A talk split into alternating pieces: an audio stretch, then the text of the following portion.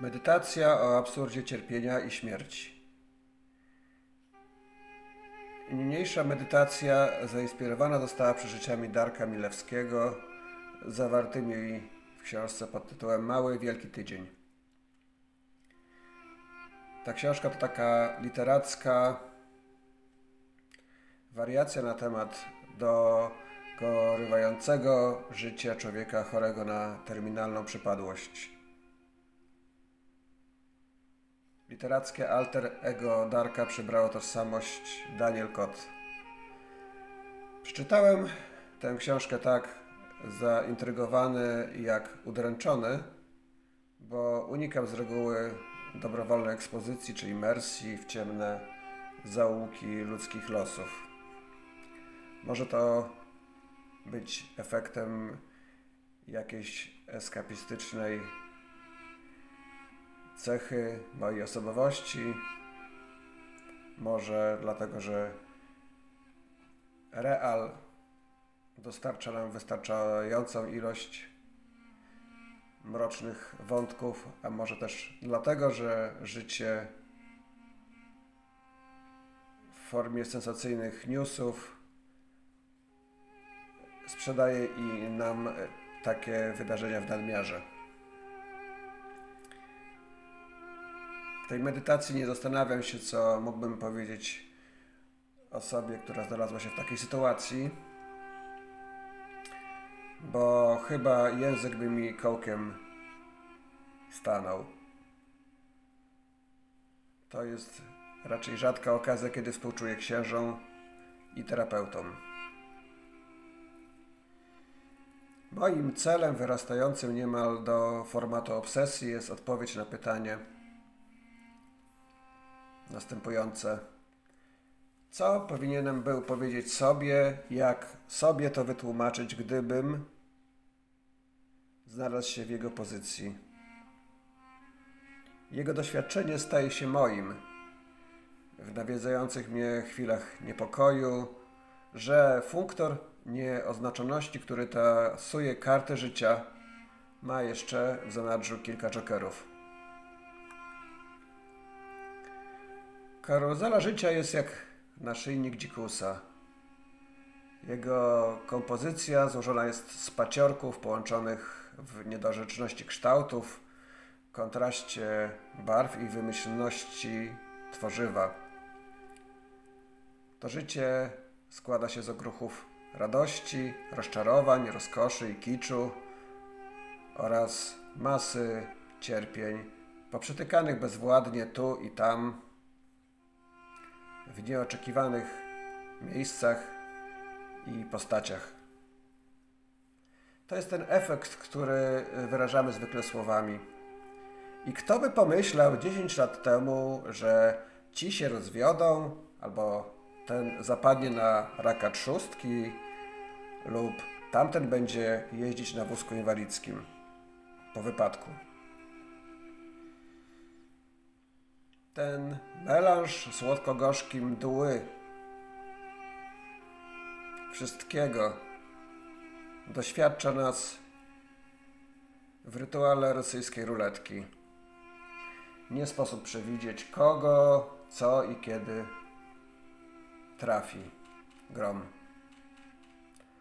Oddajmy głos Darkowi. Kilkanaście lat temu przeżyliśmy chorobę nowotworową starszej córki.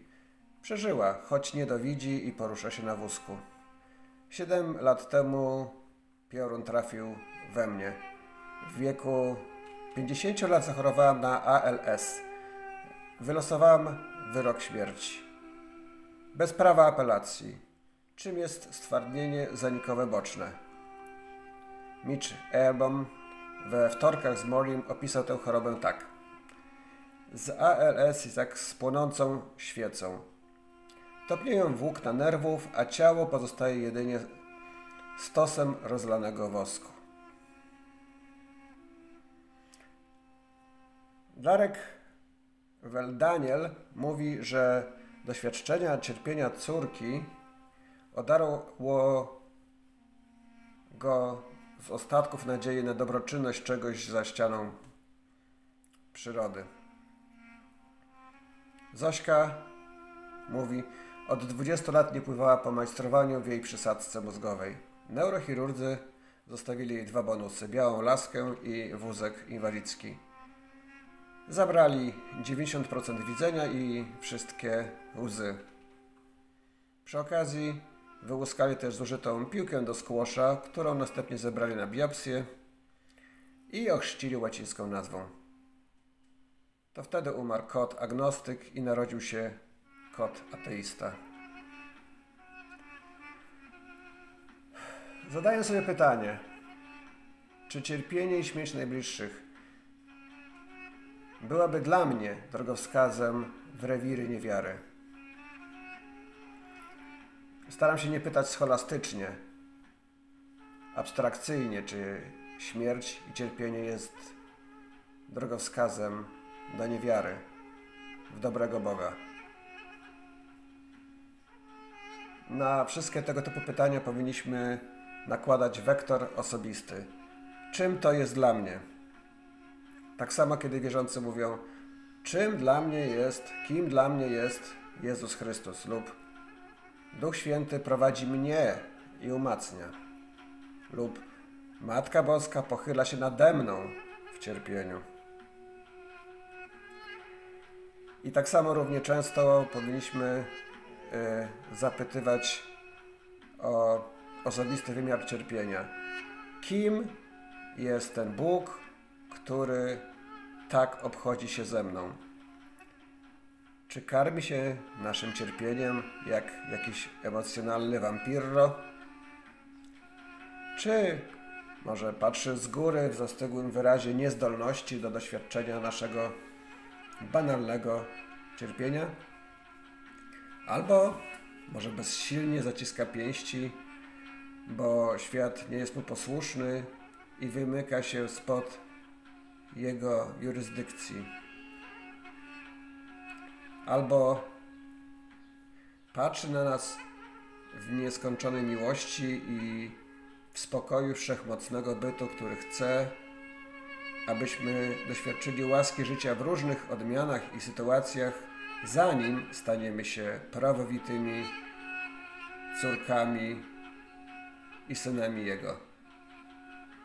Albo patrzy na nas pustymi oczami nieistnienia.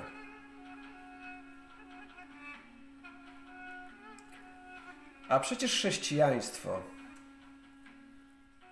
bo z tej perspektywy jest mi najłatwiej analizować ten problem.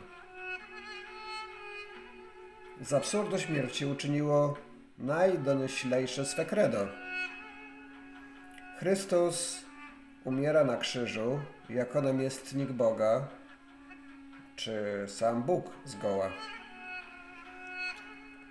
W nim śmierć zaprzecza boskości, staje w zawody z Bogiem kto silniejszy.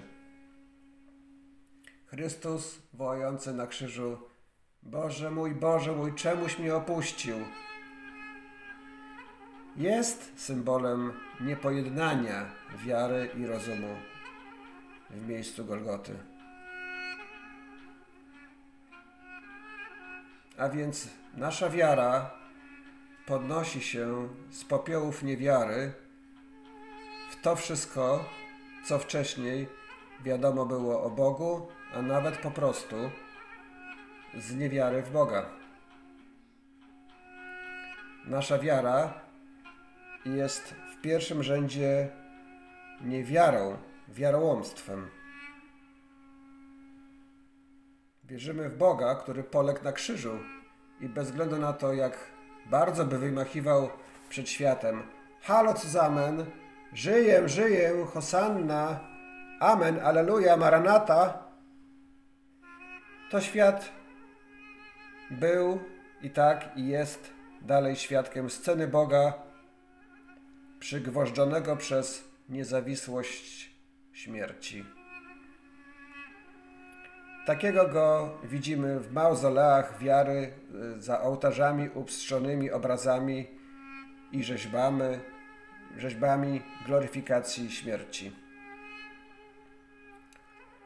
Nawet na obrazach Chrystusa triumfalnego, postpaschalnego widzicie zastygłość twarzy nieboszczyka, a nie puls tętniącego życia. Wiara w chrześcijaństwo to ufna, choć trwożna zgoda na śmierć dogmatu. I nie znaczy apologetycznego nie tylko na śmierć, ale i na zmartwychwstanie, bo czy Pan chodzi pośród nas, czy uzdrawia cierpiących na koronawirusa lub ALS, czy kto widział, a może tylko tak jak ja słyszał tylko i czytał.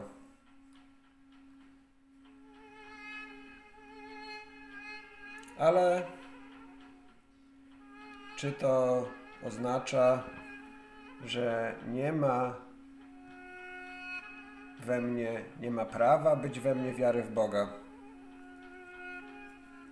który wyciągnie mnie z tej matni?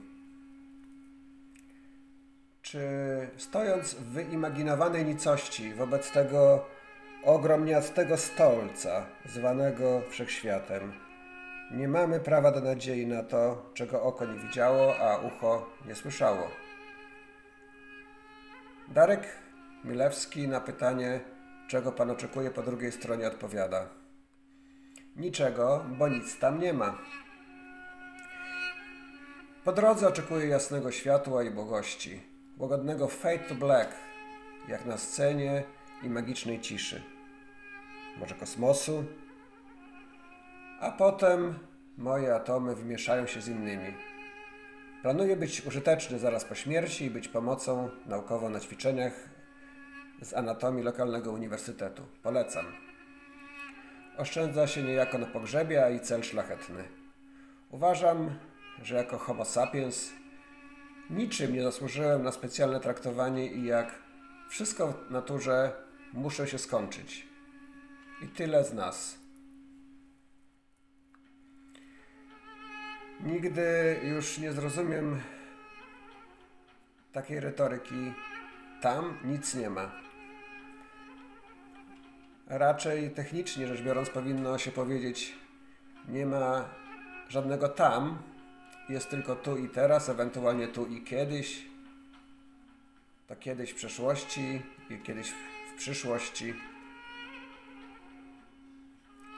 Ale Nasze rozumowanie przecież nie załamuje się w tym punkcie, ponieważ możemy sensownie zapytać, dlaczego jest raczej coś zwane tu i teraz, niż nic.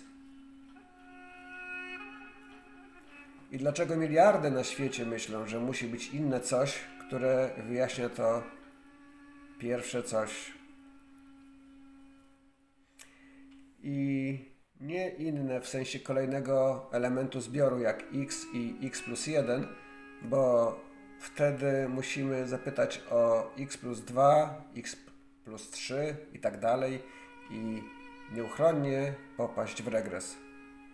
To umowne x plus 1 nie stanowi słonia, który utrzymuje na sobie świat, a sam jest próżni, zawieszony, tylko jest formułą racjonalności, dobra i przetrwania w świecie.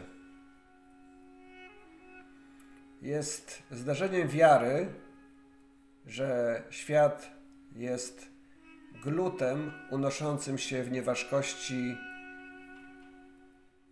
niebytu z wiarą, że jest kokonem, w którym życie i rozum i dobro są konstytutywnym składnikiem istnienia a nie beknięciem wydanym z prebiotycznego gejzeru. Nie przekonuje mnie istnienie oświeconych, którzy wiedzą, że nic nie ma, jeśli ci sami ludzie twierdzą, że ani miłości nie ma, ani dobra, ani sprawczości, ani umysłu. A jeśli są miłość i cała reszta ostensywnie bezdowodowo na pokazanie palcem niejako, to już nie tylko same atomy istnieją, przynajmniej tak, jakie pojmuje szkolna fizyka. Z pewnością moje atomy po śmierci wymieszają się z innymi, co zresztą czynią cały czas, bo obce atomy wdzierają się w strukturę somatyczną każdego z nas bez wytchnienia. W pewnym sensie nie ma obcych i swoich atomów. Wszystkie atomy nasze są. Jeśli nasz umysł igra w odmętach pewnego sensorium, wciąż zmieniającego się skupiska atomów, to czy może też igrać w innych skupiskach, innych konfiguracjach tych atomów? Może potrzebuje do tego czegoś w rodzaju świadomości, zamysłu, Boga, koordynacji, które przez zdarzenie śmierci wyczarowują nowe życie. Myślenie religijne i myślenie świeckie powinny być otwarte na mistyczność świata, a nie na niepodważalność dogmatów wiary i niewiary. Śmierć wydaje się straszna. Wszak, jeśli wybieram sensowność świata, to choć nie staje się specjalnie mniej straszna, to jednak cokolwiek bardziej intrygująca.